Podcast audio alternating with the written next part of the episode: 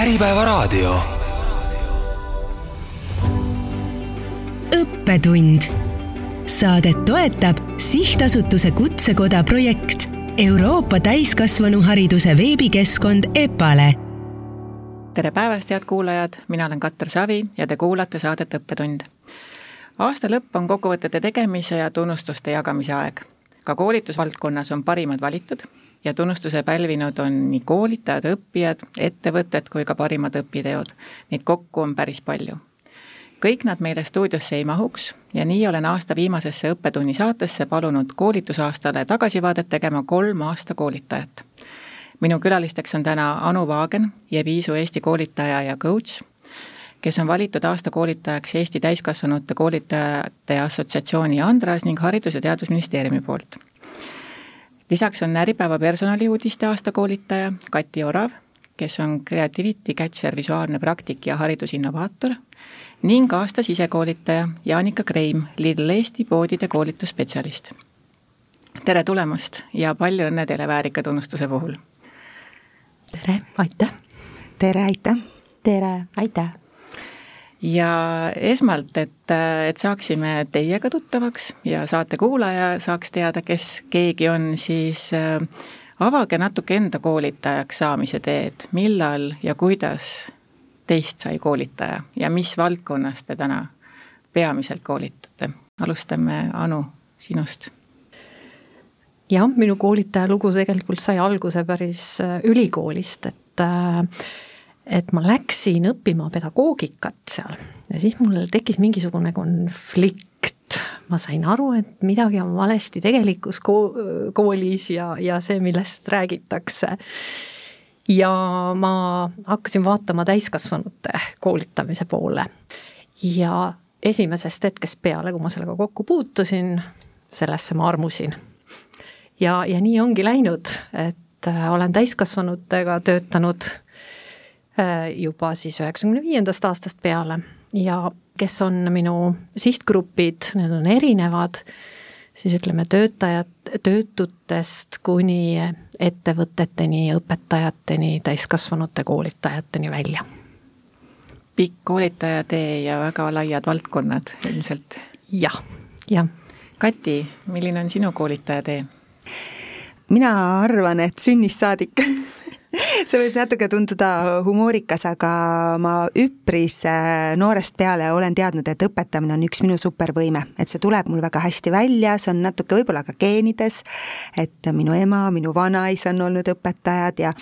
ja ma küll sõdisin selle vastu noorena, nagu ikka on, et kui, äh, kui suguvõsas on midagi, mille suunda võiks liikuda, siis ei, mina lähen vastassuunda ja tegelikult tahtsin näitlejaks saada.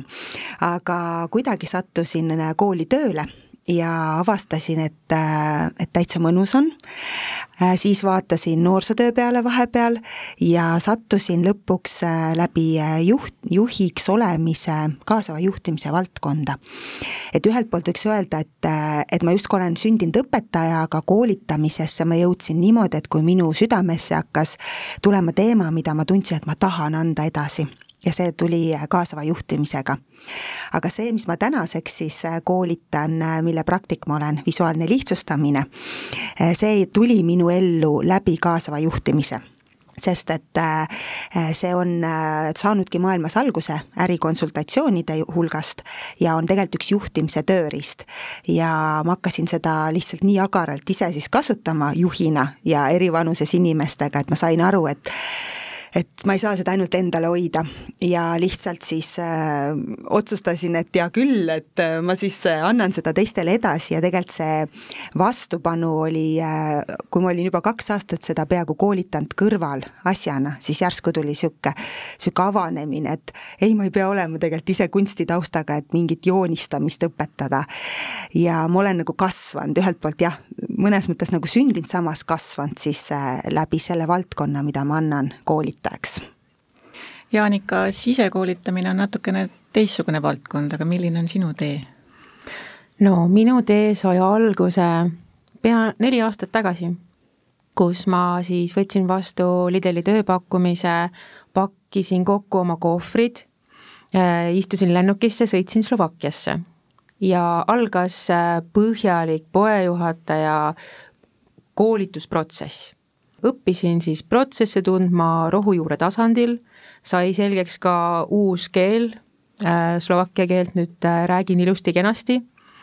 ja siis peale põhjalikku väljaõpet naasesin tagasi Eesti, oli au avada Kristiine pood poejuhatajana ja siis saabus suvi ja suve alguses avanes uus uks, võtsin vastu siis äh, poodide sisekoolitaja positsiooni ja sealt äh, on mu see teekond alguse saanud. aga sisemuses tunnen, et äh, olengi vist ka ikkagi tegelikult sündinud ja avastanud selle uue armastuse nüüd selle viimase nelja aasta jooksul. toredad, huvitavad, erinevad teed ja minu jaoks on see lõppev aasta ühelt poolt olnud just selline lugude jutustamise aasta ja, või väga erinevatest valdkondadest on tulnud see, see teadmine, et läbi väikeste lugude õppimine ja uue teadmise omandamine võiks olla nagu väga-väga tore. ja seetõttu ma tänase saate jaoks olen ette valmistanud nagu ankeetküsitluse, aga millele me saamegi teha selliseid väikeste lugudega vastuseid ja, ja, ja siis nii me siit täna siis kulgeme äh, esmalt ma, võib-olla see on niisugune jällegi üld, üldisem küsimus, et kuidas te tagasi vaatate lõppenud koolitusaastale, et mis on olnud fookused ja, ja mis on eristuvalt äh, esile kerkinud? minu jaoks äh, tundub see, et inimesed üha rohkem tahavad siduda teemasid sellise isikliku elu nagu isikliku eluga enesearenguga. et ükskõik, mis see on, näita mulle tegelikult, äh, kuidas see teeb ka mu elu laiemalt paremaks, mitte lihtsalt siis tööelu, et kui võib-olla on olnud varasemalt see niisugune fookus tööelule hästi, hästi suur, siis äh, siis nüüd jah, kuidagi selline, et isegi äh, tullakse küsima ka seda, et kuidas lapsevanemana näiteks kasutada, et väga palju huvitutakse ju ka sellest siis, et et kuidas siis järeltulevat põlve kasvatada, eks selles on loomulikult mõnes mõttes noh, süüdi siis see digi, digi digimaailm, et äh, me hakkame otsima võimalusi, kuidas me saaksime lapsi sealt rohkem välja ja äkki siis me saame vanematena midagi teha teistmoodi jah, ma olen äh, Katiga täitsa nõus, et, et äh, üha enam nagu märkan samamoodi seda, et, et seda, mis isikliku eluga ja selle kasvamisega nagu kaasas käib inimestel. aga minu enda fookus suuresti on, on läinud hoopiski kestva arengu eesmärkide peale sel aastal, et et äh, ma teen väga koos oma partneriga siis väga tihedat koostööd Euroopa Maastikuehitajate Liiduga. Ja need roheoskused on äh, suur teema ja, ja vaadata seda nüüd, äh, mida see kestliku arengu või säästva arengu eesmärgid tähendavad ettevõtete jaoks ja ettevõtete jaoks siis selles mõttes, et töötajate jaoks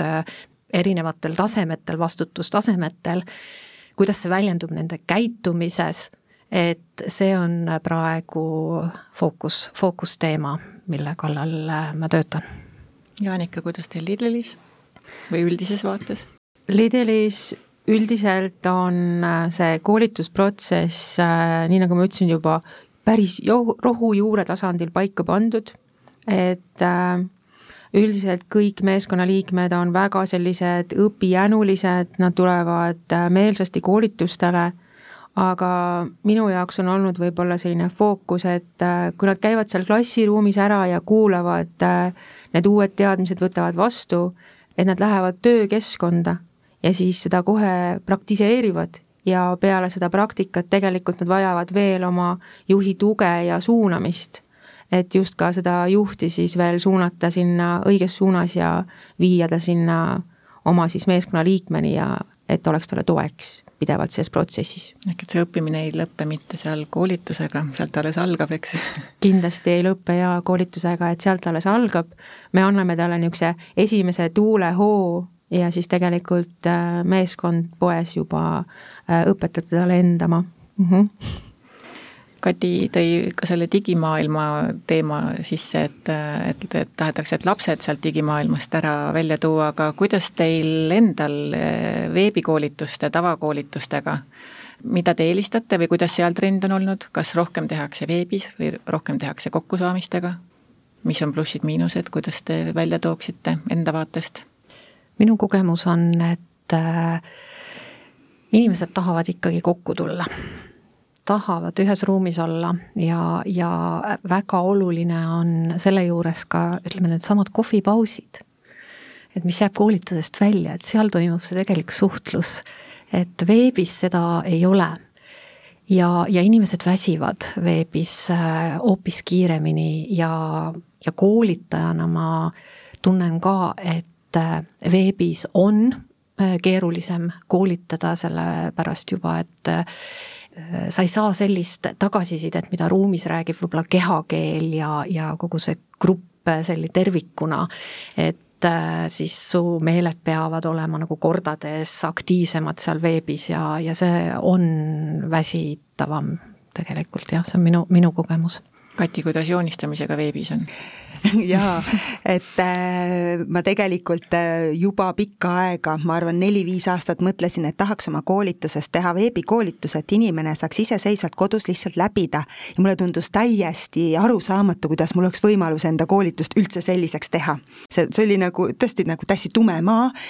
ja kui siis tuli koroonaaeg peale, siis äh, ei olnud midagi muud, kui kuna ma olin samal ajal Hispaanias ja olin just tulemas nädalaks Eestisse koolitama, mul oli nädal pandud pandud nii täis, et mul oli mõnel päeval isegi lausa kaks koolitust. ja ma olin seljakott seljas tulemas ja siis tuli teade, et, et koroona on Eestisse jõudnud ja panin koti nurka, ütlesin, ma ei lähe kuhugi, aga mis nüüd saab ja siis äh, õnneks mul kõrval abikaasa on IT-inimene, veebi, veebispetsialist ja me põhimõtteliselt tegime näda-, kahe nädalaga mulle veebikursuse seal valmis, nii et sai küll teha. kõik, kes siis seda läbisid, sellel oli väga hea tagasiside ja pigem võiks öeldagi see võrdlus, et veebikoolitustega, et kui me räägime jah, meeskonnakoolitusest, siis ma ütleks, et tõesti see ruumikoolitus on kõige õigem seal kui me räägime üksikult õppimisest, siis äh, ma arvan, et äh, populaarsust koguvad need sellised koolitused, kus ma saan ise enda jaoks õppida omas tempos, oma valitud kohas. Ja mina tegelikult tänu sellele veebikursusele ja nüüd olen ka selliseid teisi väikseid ampse teinud, olen saanud just oma tehn-, seda tehnikat rohkem pilti, rohkem laiali äh, nii-öelda levitada ja sealt on üha rohkem tulnud siis kutseid meeskonnakoolitustele, koolitustele. et, äh, et meeskonna puhul igal juhul ruum, aga üksikuna on võimalik täiesti, kui on hästi üles ehitatud, selline, et mugav on õppida, kakskümmend minutit harjutus, oled läbi mõelnud, et siis tagasiside on väga hea, et inimestel sobib. Jaanika, teil, kuidas te teete? meie ka ikka, kui on äh, suurem meeskond äh, ja tahab sellist süvitsi õpet, eelistame kindlasti klassiruumi Äh, sellist äh, üks-ühele koolitust, ütleme niisugused kerged õpiampsud või niisugune kerge muudatus protsessis. et kus äh, ikkagi ajafaktor on meil ka tänapäeval väga tähtis äh,, ei ole kogu aeg aega tulla sinna klassiruumi, teekond tavaliselt on ka pikk ja meil on poed väga erinevates linnades, siis sellised väiksed õpiampsud tegelikult me teeme ikkagi ka veebis ise kindlasti tahaks seda nägu näha ja tahaks seda inimest näha seal oma vastas et äh, on raske, aga tahes-tahtmata me peame ajaga kaasa minema ja ma ütleksin, et äh, me saame sellega hakkama ja õpime ise ka iga korraga, areneme edasi ja mõtleme uusi võimalusi, et kuidas siis seda õppijat rohkem haarata ka läbi veebi endaga siis kaasa tulema võib-olla ma ütlen siia ühe sellise kogemuse vahele, et ma olen hetkel ka Edumuses äh, teinud kursuse, Edumus on siis äh, keskkond, kus saab siis äh, noored saavad valikkursuseid valida. gümnaasiumi noored on seal peamiselt ja see on niisugune huvitav kogemus, et, et mul on seal kümme noort ja kui nad tulevad, siis nad ei näita oma pilti, isegi kui ma olen palunud, nad ei näita oma pilti, aga ma kuidagi tunnen, et nad on kaasas, sest kui ma küsin ja nimepidi nimetan, siis nad jagavad, nad saadavad kodutöid mulle. Ja see ongi see uus ajastu, äh, uus põlvkond, see, et et minul on ebamugav, et ma ei näe neid, on ju, nüüd ja ma siis vahepeal viskangi nalja juba selle üle, aga tundub, et nende jaoks on see tõesti nagu uus normaalsus. aga noh, samas jälle on see kahju, et äh, tegelikult me peame õppima ka ju silma vaatama, sest pärast on nii, et päriselus näed inimest, sa ei oskagi talle silma vaadata, tere öelda, küsida, kuidas läheb et ma arvan, meie ülesanne on ikkagi teha ka seda, et see põlvkond ei tahaks päris minna sinna, et, et äh, räägid ainult äh, anonüümse pildiga. jah, need sotsiaalsed oskused, ikka Just. jõuame sinna. Mm -hmm Te olete, kõik tegelikult nimetasite, et seda läbi veebi on inimest keerulisem tajuda. siit nüüd ongi hea nende väikeste lugude juurde minna, et äh, on teil, ilmselt on teil kõigil juhtunud äh, seda olukorda, kus koolitusruumis on keegi ilmselgelt rahulolematu või te saate aru, et seal veebis on keegi, kes, kes kuidagi ei, ei liigu grupiga kaasas. mis te teinud olete nendes olukordades? on kellelgi jagada? no ma tooksin ühe toreda näite varal, et äh, tulevad siis meile klassiruumi erinevad äh, juhtkonna liikmed, tahes-tahtmata alati me ei jäta oma seda töös läbi elatud, äh, ütleme siis koju või töö juurde, vaid võtame ka sinna klassiruumi kaasa. et mulle tundub, kui me alguses võtame need vastu sellise positiivse ja energilise jutuga, räägime, mis neid ees ootab ja siis juba nad tegelikult tulevad kaasa. ega nad seal äh, väga kaua oma selles äh, Äh, ütleme siis selles mõtetes ei viibi, et nad päris kiirelt tulevad sinu selle entusiasmiga kaasa ja kuulavad sind ja siis juba päeva lõpuks vaatad, et kõige aktiivsemad oi-oi-oi ja just äh, mul samamoodi, et, äh, et see tagasiside, mis tihti nagu minule tuleb, on see, et noh, et nii entusiastlik ja nii usub ise oma teemasse, eks ju, et raske on jääda kõrval nagu ükskõikseks. ja tõesti see, et kui vahepeal vaatad, alguses on, mul on paar korda olnud ka sedasi, et inimene, noh, minu koolitusel peab kaasa joonistama, sest muidu ei saa seda tehnikat õppida. Ja siis ma annan kaustikud ja tintelpennid ja siis inimene tuleb ruumi, ma näen kohe, kuidas noh, ehmub ära, istub, siis ta on lukus, täitsa lukus, ta paneb veel käed võib-olla niimoodi. Ja paar korda on isegi öeldud, et mina sain aru, et siin ei hakata joonistama. ja siis ma ütlen, et tegelikult oli kirjas, et ei pea oskama joonistada ja siis, ja siis, kui ma siis olen ilusti saanud suunata, nii et ikkagi kaasa hakkab tegema, siis tõesti lõpuks on see, kes tuleb tänama, on kõige rohkem, eks ju, agaralt seal joonistanud ja grupis võtnud isegi esmase rolli, et oh, ma võin ise selle lehe siin nüüd teha. et see on kõige kihvtim ja ma arvan, et see on see koolitaja enda selline usk, entusiasm, et sa lihtsalt tõmbad kaasa, et no kui sa juba siia ruumi tulid, nagu sa võid ju sama hästi siin ka õnnelik olla absoluutselt. jah, täpselt, et, et äh, sama, samasugune kogemus, et et äh, mul on öeldud ka tagasisideks, et läbi ekraani oli tunda seda koolitaja energiat ja seda kaasatõmbamist, et äh, selle kaudu noh, saab ka võib-olla need koolituse lõpuks siis kas või need kõik kinnised kaamerapildid ka lahti, et on seda juhtunud, et lõpuks on kõik sul pildiga sinu ekraanil ja, ja näha, et, et see, sa pead neid märkama ja neid kaasama ja nagu siin juba öeldud ka, et noh, kuulama neid ja, ja laskma neil rääkida ja, ja siis lähevad kaamerad ka lahti. aga kui on keegi, kes äh, alati teab kõigest kõike või teab koolitajast ka rohkem, kuidas on selliseid olukordi ette tulnud? ma olen mitmes kohas öelnud, et minu kui koolitaja üks tõekspidamisi on, et tegelikult ongi alati grupis keegi, kes on minust targem. ja nüüd see sõltub, et kas see on tõesti selline heatahtlik tark olemine või see on ninatarkus ja, ja selline koolitaja katsetamine. et esimesel juhul on lihtne, seda tarkust tuleb ära kasutada kogu grupi huvides ja, ja andagi võimalus inimesel seda jagada, et kõik saaksid õppida aga selle teise, teise poolega äh, jaa, on juba keerulisemad lood ja siis peab äh, tegelikult kaaluma, et kui kaugele seda inimest äh, oma jutuga lasta ja, ja, ja millal see piir, piir tõmmata, kas siis on vajalik individuaalselt temaga näiteks vestelda või, või äh, piisab, piisab nagu selles grupitöö käigus või, või seal klassiruumi käigus neid piire hoida. On teil mingeid, Kati ja Annika, kogemusi, kuidas teie selliseid ninatarkusi olete lahendanud? mina pean tunnistama, et äh, ma veel sellist päris ninatarkust ei ole isegi kohanud, võib-olla on see alles veel ees, aga mulle tundub, et mis on hästi oluline, on see, et äh, kui need õppijad sinna klassiruumi tulevad, et äh, panna paika sellised nagu reeglid, millega me siis päeva jooksul toimetame. et äh, natukene võib-olla sellist ajataju, et kui kaua me räägime, milleks, kui palju meil nagu aega on ja mulle tundub, et äh, hästi oluline on just nende jutukate seast märgata ka neid äh, vaiksemaid, tagasihoidlikumaid ja mul on vahest isegi tundunud, et need tagasihoidlikumad tegelikult äh, hoiavad endasse nii palju tarkust, millest ka minul on nii palju õppida, et siis just nemad ka kutsuda kaasa ja anda neile võimalus avaneda, et see on hästi oluline. kuidas nende avanemine on, on see selline noh, rahulikult et, et sa koolitajana näed, et ta vajab natuke rahulikku suunamist või, või, või tekib see koolituspäeva käigus, et mis hetkel see inimene mugavalt tunneb, et ta hakkab avama ennast?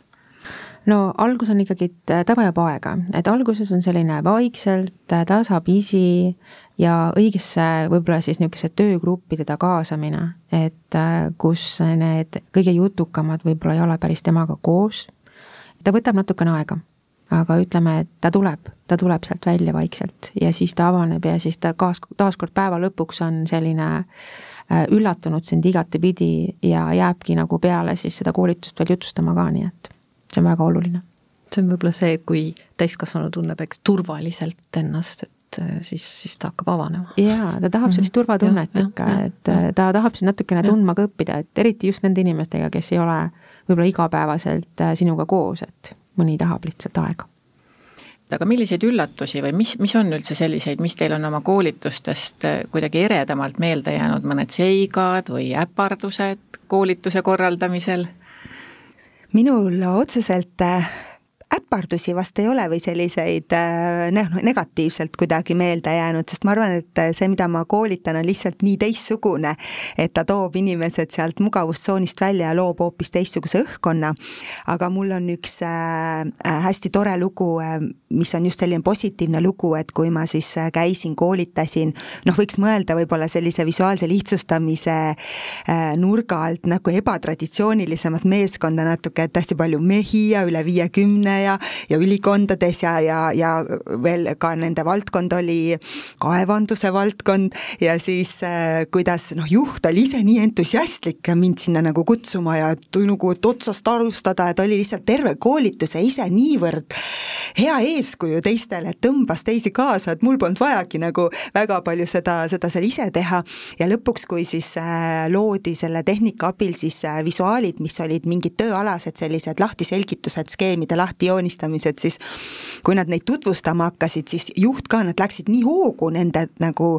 visuaalide vaatamisega, nii sisuliseks, et mina pidin juba ütlemagi, et stopp, et ma ei ole kindel, et mina seda nüüd siin kuulda tahan, et või mitte ei taha, vaid et tohin. et see on tõenäoliselt teie nüüd ärisaladused, et, et, et aga mida oligi vaja tõestada, et, et visuaalid panevad rääkima. aga noh, lihtsalt see, see kogemus, milline juht oli ja kuidas ta meeskonna käivitas, ka sellisel esmapilgul tunda, et tulime kokku, et hakkame joonistama unustama, et mis mõttes, eks ju. et, äh, et äh, juhtimine on üks võtmeküsimus meeskondade kaasamisel igas mõttes, jah. mis on veel selliseid üllatusi? no kui sa enne küsisid ka võib-olla mingid äpardused just, või, või just, üllatused, et võib-olla üks kõige suurem äpardus, mis kui seda saab nimetada äparduseks, aga jällegi veebi, veebikoolitus ja, ja ühel hetkel, mis saab olla kõige hirmsam veebikoolitusel, et elekter läheb ära just, ja see juhtuski, poole sõna pealt plaks, kõik oli pime, mitte midagi ja mida siis edasi teha. aga teie ei... poolel, nagu koolitaja poolel või õppijate poolel läks elekter? minu, minul, minul, mitte, mitte õppijatel. ja ma, mis ma, mis ma siis teha sain, eks. Ma püüdsin siis äh, paaniliselt telefoni kaudu ühineda oma õppijatega ja siis äh, ma sain aru, et äh, no nad ei kuule mind, no tehnikas ma ei ole kõige, kõige tugevam, aga siis sain ikkagi kuidagi selle hääle ja õnneks need õppijad, grupp oli tore, ootasid kannatlikult ja, ja ja siis ma ütlesin, et nii, nüüd on lõunapaus. ja poole tunni pärast ma igal juhul olen tagasi. Ja mis ma siis poole tunni jooksul tegin, helistasin oma kõik tuttavad sõbrannad läbi, kus on vool, võtsin oma kompsud, tormasin autosse ja sõitsin ühe sõbranna juurde, kellel oli vool ja sain oma koolituse lõpuni tehtud niisugune päris selline äärmuslikud juhtumid. jah. jah, eks, eks selliseid äh, vist, ilmselt ongi need veebikoolitused on alati, mis põhjustavad nii tehnilisi viperusi kui, kui kõike muud. aga ma saan aru, et koolitaja päästab igasugustest olukordadest kiire mõtlemine, särasilm ja entusiasm. jah, plaan A ja plaan B ja, ja siis veel C ka igaks juhuks. Kuidas te ise ennast arendate hoiate silmad säravad, mis te teete selleks, et äh, iga järgmine koolitus saaks minna ja alustada täpselt sama entusiastlikult ja sama hästi kaasa tõmmata kõik õppijad? no mina arvan, et äh, väga oluline on ise olla selline õpijänuline ja kogu aeg küsida hästi palju küsimusi ja igast õpilasest, kes tuleb klassiruumi, tegelikult võtta kaasa kõik need head mõtted ja kasutada järgmine kord äh, jälle uuesti ära. ja siis äh, ise käia ka koolitustel kindlasti, et iseennast mitte unarusse jätta. ja läbi nende koolituste tegelikult äh, saad igati häid mõtteid juurde, et see aasta ka tekkis mul suurepärane võimalus võtta siis Eesti Sisekoolitajate Liidu poolt korraldatud koolitusest osa, mis oli siis lihvitud teemant. ja sealt ka õppisin nii palju uusi meetodeid juurde ja olen juba klassiruumis äh, proovinud ja töötavad äh, imeliselt. ja ütlen ausalt, kõige olulisem on, ma usun, et meie õppijate särasilmad ja see tagasiside, mis sealt tuleb, et seda kohe nagu, see, see paneb liigutama. ja mind kindlasti paneb liigutamine ka see au võtta vastu see tiitel ja see rändkarikas, et ootan juba järgmist aastat, et kedagi uut inspireerida sellega mina liigitan äh, nagu kahte selle, et üks on siis see, kuidas ma hoian ennast, seesama see säilenõtkus on selline populaarne sõna hetkel. ja, ja kuidas ma arendan, et kuidas ma ennast siis hoian, on see, et ma jooksen peaaegu iga päev neli kilomeetrit, vahel neliteist kilomeetrit. ma loen, aga ma ei loe tegelikult väga nagu sellist noh, kuidas öelda siis nagu tähtsat või tõsist kirjandust, ma loen ilukirjandust. ma arvan, ma olen see aasta üle neljakümne raamatu lugenud ja, ja see on see, et mul peab olema nädalas korra, kus ma saan näiteks neli tundi jutti lugeda, et ma tean, et ma, mul ei ole muid kohustusi, et kõik pere ka teab, et nüüd äh, mina, minul on see aeg, et ma loen. ja, ja see kuidagi taastab hästi ja arengu suhtes on siis see, et ka kuidagi mõelda, et mis on need kohad, kus ma tahaksin siis äh, parem olla. Äh, ja minu jaoks on olnud sellised kolm suurt äh, viimase aja arengut, et üks oli siis see, et ma tahtsingi saada rohkem teada õppimise, õpetamise kohta, see uudishimu selle vastu ja läksin siis magistrisse, et ma tundsin, et see on kõige õigem koht. et haridus, sellepärast on mu tiitel siis ka haridusinnovaator, sest ma olen siis kraadiga, kraadiga haridusuuendaja ja vahel naeran naerangi, et viin inimesed kiviaega tagasi ja annan pliiatsi ja paberi kätte, et suur haridusinnovaator, eks ju. Eh, aga see oli hästi suur eh, nagu areng enda jaoks akadeemilises mõttes, siis eh, teine arengukoht see, et ma tahan hästi hea esineja olla, avalik esineja ja ma olen tõesti võtnud kursuseid välismaa juhendajate käe all ja tunde-tunde ja, ja eurosid ja eurosid tegelikult sinna pannud ja noh, see on ka viinud sinna, et ma olen ka kaks kõnevõistlust võitnud. et see on ka see välja, see ongi sama mugavustsoon, et üks asi on olla koolitaja ruumis äh, ja, ja lihtsalt anda edasi, sul on aega võib-olla seal neli või kuus tundi, aga kui sulle öeldakse, et nii, kaksteist minutit või kolme minuti pitch, eks ju, ja, ja see on hoopis teine. ja, ja kolmandaks see, et äh, otsustasin raamatu kirjutada, et see on ka see enesearengu koht, et äh, mul ongi nüüd raamat äh, välja tulnud ja, ja, ja see oli tõesti kolmeaastane hästi suur hüppe ja ma loodan, et see ei jää ainukeseks siis, et, et ma nii ära sellest ei väsinud nüüd, nii et ma lähen nüüd jooksen ja loen ja siis kirjutan edasi Anu, sa rääkisid ennem, et ka roheoskused olid fookuses mm. -hmm. seal on, kohe tekib küsimus, et kuidas sa ennast arendad selleks, et,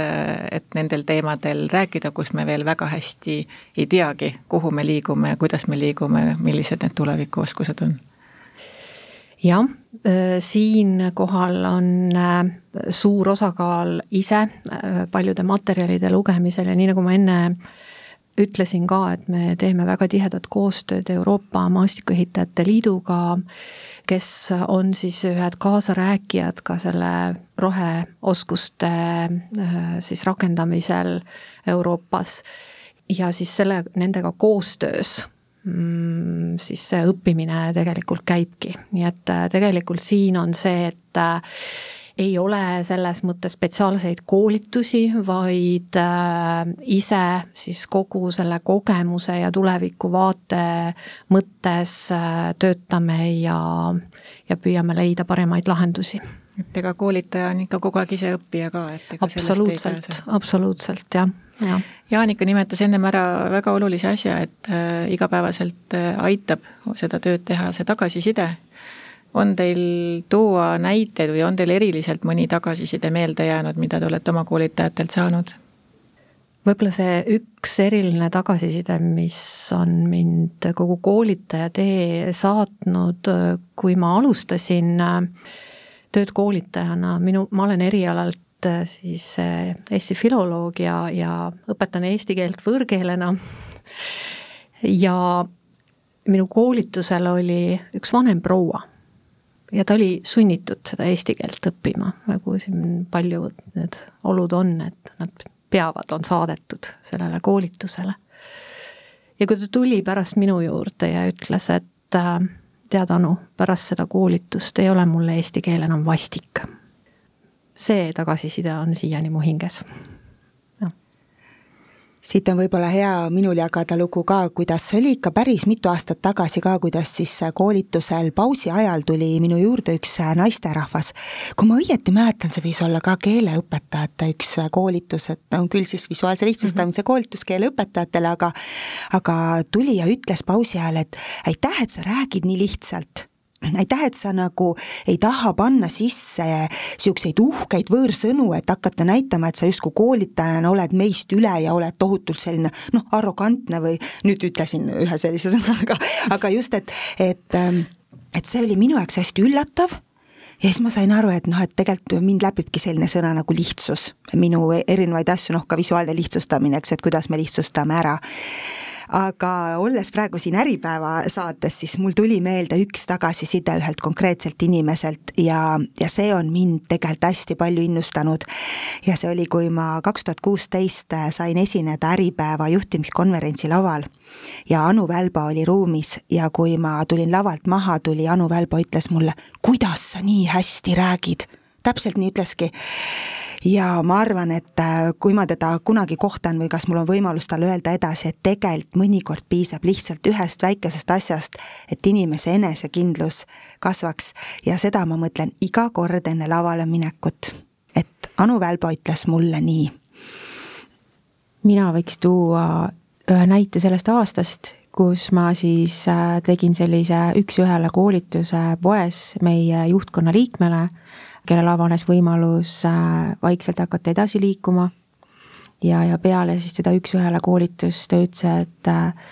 ta pole kunagi mõelnud nende asjade peale nii detailselt ja et tema silmad täitsa avanesid. ja tänase päevani me oleme pidevalt ühenduses, ta ikkagi võtab ühendust ja küsib ja uurib ja viib neid teadmisi nüüd ka juba ise tegelikult edasi. et ma näen, kuidas läbi siis nüüd tema kätte saavad äh, uued inimesed omale sellist indu ja positiivsust juurde. et minu arust see on nii tänuväärt selline tagasiside, et tegelikult see, mis ma annan edasi, siis ta läheb veel edasi ja siis ta nagu paljuneb, see teadmine meeletu kiirusega. ja kõige olulisem on lõpuks näha seda tulemust ka tegelikult see on hea koht küsida, et ähm, milline on teilt lõppenud aastast selline saadud, enda jaoks saadud tarkus või õppetund? On teil midagi sellist välja tuua? mina oskan tuua välja selle, et, et minu koolitust hästi läbib märksõna mängulisus ja ma olen sellest üha tugevamini sellel aastal aru saanud ja kui ma ka natukene, ütleme, pelgasin seda, et kui ma lähen siis noh, koolitan näiteks ministeeriumi inimesi, ametnikke ja siis toon mingi mängulisuse sisse, et äkki seda peaks kuidagi nagu nii-öelda kattevarjus tegema. aga üha rohkem hakkas ruumis koolitatavate enda poolt tulema seda, et et aga see on ju tehnika, mis on nii oluline juba selleks, et me oleksime julgemad avaldama oma arvamust, et me ei oleks krampis, et mõte oleks lahti, loovus läheks tööle, et on ise hakanud välja tooma seda mängulisust, siis ma sain aru, et noh, et tuleb nagu usaldada seda, mis on see sisetunne ja tuleb usaldada, et ka täiskasvanud inimene tahab mängida, ta tahab, et oleks lõbus. et äh, meil on läinud võib-olla liiga tõsiseks, noh, see maailm meie ümber, eks see on ka erinevad sündmused seda tekitanud, aga et äh, võib-olla ka siit niisugune äh, teistele ka julgustuseks, koolitajatele, et üha rohkem no, tuua seda mängulisust ja seda julgust sinna ruumi, et see loob kohe teistsuguse õhkkonna. Jah, võib-olla siit jätkata et äh, see mängulisus võib-olla on ka selline ühendav lüli mõnes mõttes nüüd erinevates kultuurides äh, kasutada, et äh, et mul on üha rohkem on ka väljaspool Eestit koolitusi ja, ja avastada neid töökultuure, missugused on need erinevates riikides, erinevates ettevõtetes, on väga-väga põnev õppetund olnud. Ja võib-olla sellest tõsisemas poolest on olnud suur kogemus äh, töötada just Ukraina sõjapõgenikega, et mida, mida see tähendab ja kui inimene on rebitud oma kodust ära ja, ja ta on selle trauma üle elanud, et kuidas, kuidas nendega töötada, et see on olnud jah, suur õppetund ka. mina pean olema, ühinema selle mõttega, et mängulisust on vaja sinna koolitusruumi ja läbi oma selle äh, sellel aastal läbitud koolituse ma olen seda kaasa võtnud ja näen, et tegelikult äh, inimesed avanevad, nad tunnevad rõõmu sellest, et äh, nad saavad ka rääkida, kaasa mõelda ja mulle tundub ka see õppeprotsess äh, nagu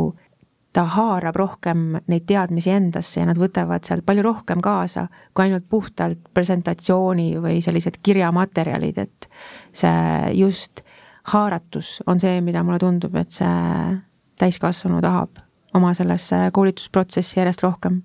et igapäevaelu on nii ehk naa igasuguseid toimetusi täis ja palju mõtteid, et siis äh, mäng tõesti kulub meil ära, olen igati nõus kui nüüd vaadata natuke juba edasi, et äh, uus aasta on juba varsti ukse ees ja, ja, ja koolitusmaastik läheb oma teed ka kogu aeg edasi, et äh, kui teie võimuses oleks midagi muuta või mis te näete, et äh, mis võiks koolitusmaastikul muuta, võib-olla see üks sama hea mõte on juba kaasa võtta seesama mängulisus, et et seda ka raskete teemade puhul on ju tuua seda sisse, aga et mis, mis võiks olla see või mida te näete, et kuhu, kuhu koolitusturg liikumas on? mis on trendid uued, rohkem, millist valdkonda koolitustes on üha enam? no väga viimasel ajal muidugi väga aktuaalne teema on ju ikka see tehisintellekt ja, ja kui vaadata, siis noh, see on tulnud ka koolitusmaailma selleks, et jääda. ja nüüd on siis meie kui koolitajate suur oskus see, kuidas seda ära kasutada parimal moel, mitte ära keelata. et see on kindlasti üks suund koolituses, kuhu, kuhu me liigume. aga näete te seda kui abimeest või pigem miski, mis on noh, täna võib-olla veel tundmata, täpselt ei saa aru, mis võimalused avanevad või mis asjad takistama hakkavad? mina näen seda küll kui abimeest, et ma juba isegi kasutan äh, seda ja julgustan ka teisi kasutama ja teisest küljest on see ka selles mõttes koolitajale õppimine, et see koolitus tuleb üles ehitada teistmoodi, et äh, mitte, mitte vanal, vanal viisil, et äh, ja see on põnev, see on põnev jah, ma isegi sellest koolitusmaastiku trendist ma nii palju ei oskagi võib-olla kaasa rääkida, et mulle tundub, et see võib olla hästi nagu meeskonna või, või selline valdkonnapõhiselt ka, et tõesti see, et kui ma siin enne Annut kuulasin, siis see jätkusuutlikkus, see keskkonnahoid, kindlasti see on see, mida mhm. iga koolitusega tahetakse nüüd või iga teemaga, et kaasas käiks, et ka minu puhul on küsitud, eks ju, et noh, et kus on see jätkusuutlikkus, et paber ja pliiats, aga aga et kui on täidetav tintelpenn ja taaskasutatud paber, paber, eks ju, või või siis seesama, pigem mul tuli siit see lugu meelde, et tehisintellekt, eks ju, et, et veel ei pidavat oskama ai joonistada hästi sõrmi või kätt. Ja siis see on pigem see, mida ma saan koolitusel juurde tuua, et äh, näete, et, et inimene siin veel saab ees olla, kui me julgeme joonistada, eks ju. aga jah, tõesti kogu see digimaailma kaasamine, ma arvan, üha rohkem, rohkem, et, äh, et mitte võtta seda kui vaenlast, vaid pigem vaadata, kuidas me saaksime selle abimeheks juurde tuua ja, ja seda kasutada enda kui koolitaja arendamiseks, aga jah, oma ka koolitusruumi võimaluste laiendamiseks on teil üldse selliseid mingeid uusi tehnoloogiaid, äh, uusi õppemeetodeid, äh, noh, Kati, juba sul endal ongi üsna väga spetsiifiline õppemeetod, õpetamismeetod, on ju, aga et on, on võib-olla siit midagi sellist, äh, mida te enda, teie koolitaja pagasisse on juurde tulnud? just tehnoloogilistest lahendustest või on juba Covidi aeg on pakkunud nii palju uusi teemasid lauale, et nüüd käib niisugune arendamine ja harjumine jah, pigem jah, et see Covidi aeg oli tegelikult see, mis äh, pani meid kõiki sinna digi, digimaailmaga silmitsi seisma, et äh, jah, ja sealt nüüd tuleb edasi mm, -hmm. edasi minna. Jaanika juba korraga mainis, et, ähm, et see tunnustus, mida te kõik olete saanud oma valdkonnas, on, on mõjutanud ja küsin ka teistelt, et kui oluliseks te peate sellist tunnustamist ja, ja selle konkreetse tunnustuse saamist, mis äh, teile ulatati? mina arvan, et see on väga oluline et äh, isegi veel rohkem võiks olla sellist tunnustuste andmist, et et kui küsida, et kuidas koolitajaid hoida või, või tunnustada, et no miks ei võiks ka meil olla mingeid koolitaja battle'id sellised, et et äh, kuidagi võistlus, nii nagu siin on isegi nüüd lauljad võistlesid omavahel, eks ju, ja et et, et mitte nagu võistlus võistluse pärast, aga pigem see, et et oleks neid võimalusi kuidagi ka tulla lihtsalt välja sellest oma koolitusruumist ainult, et ainult seal need inimesed seda kuidagi näevad. et ma arvan, selline tunnus tunnustus toobki esile äh, mitte ainult seda inimest, keda tunnustati, et näiteks mina pean enda tunnustust, tunnustust visuaalse lihtsustamise jaoks, et see on meie kogukonna, meie praktikute, et see on võimalus näidata, et on selline tehnika olemas, et seda kuidagi jah, pilti tuua. aga noh, loomulikult ka tunnustus, et järelikult teed midagi hästi ja õigesti ja, ja ja noh, mina olen küll seda tüüpi inimest, et kiida lolli nii-öelda ja, ja tahaks veel paremini teha. no jah, muidugi on tore, kui, kui märgatakse ja eriti, kui see märkamine on siiras. Kahjuks näeb ka palju ebasiirust, aga, aga see märkamine jah, et on, on oluline ja võib-olla siin erinevalt, kui, kui Kati ütleb, et kiida lolli ja, ja, ja ta teeb, et minu, minu esimene reaktsioon sellele tunnustusele oli üleüldse esitamise mõttes oli see, et ei, ei, mitte mingil juhul.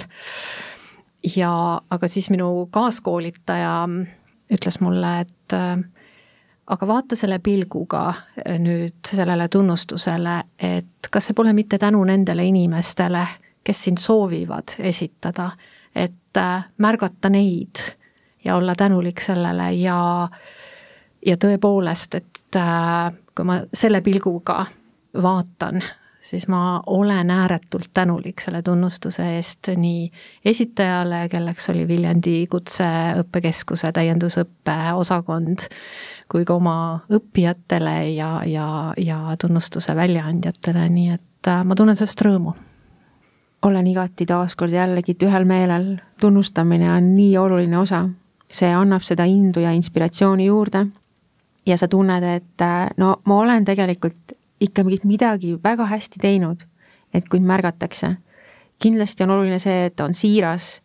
ja ma arvan, et isegi mitte ainult äh, ei peaks märkama sisekoolitajaid, ma sooviks, et seda märkamist oleks igal pool, kui võtta kas või kõige lihtsamat äh, keskkonda, siis me märkame neid inimesi enda ümber ja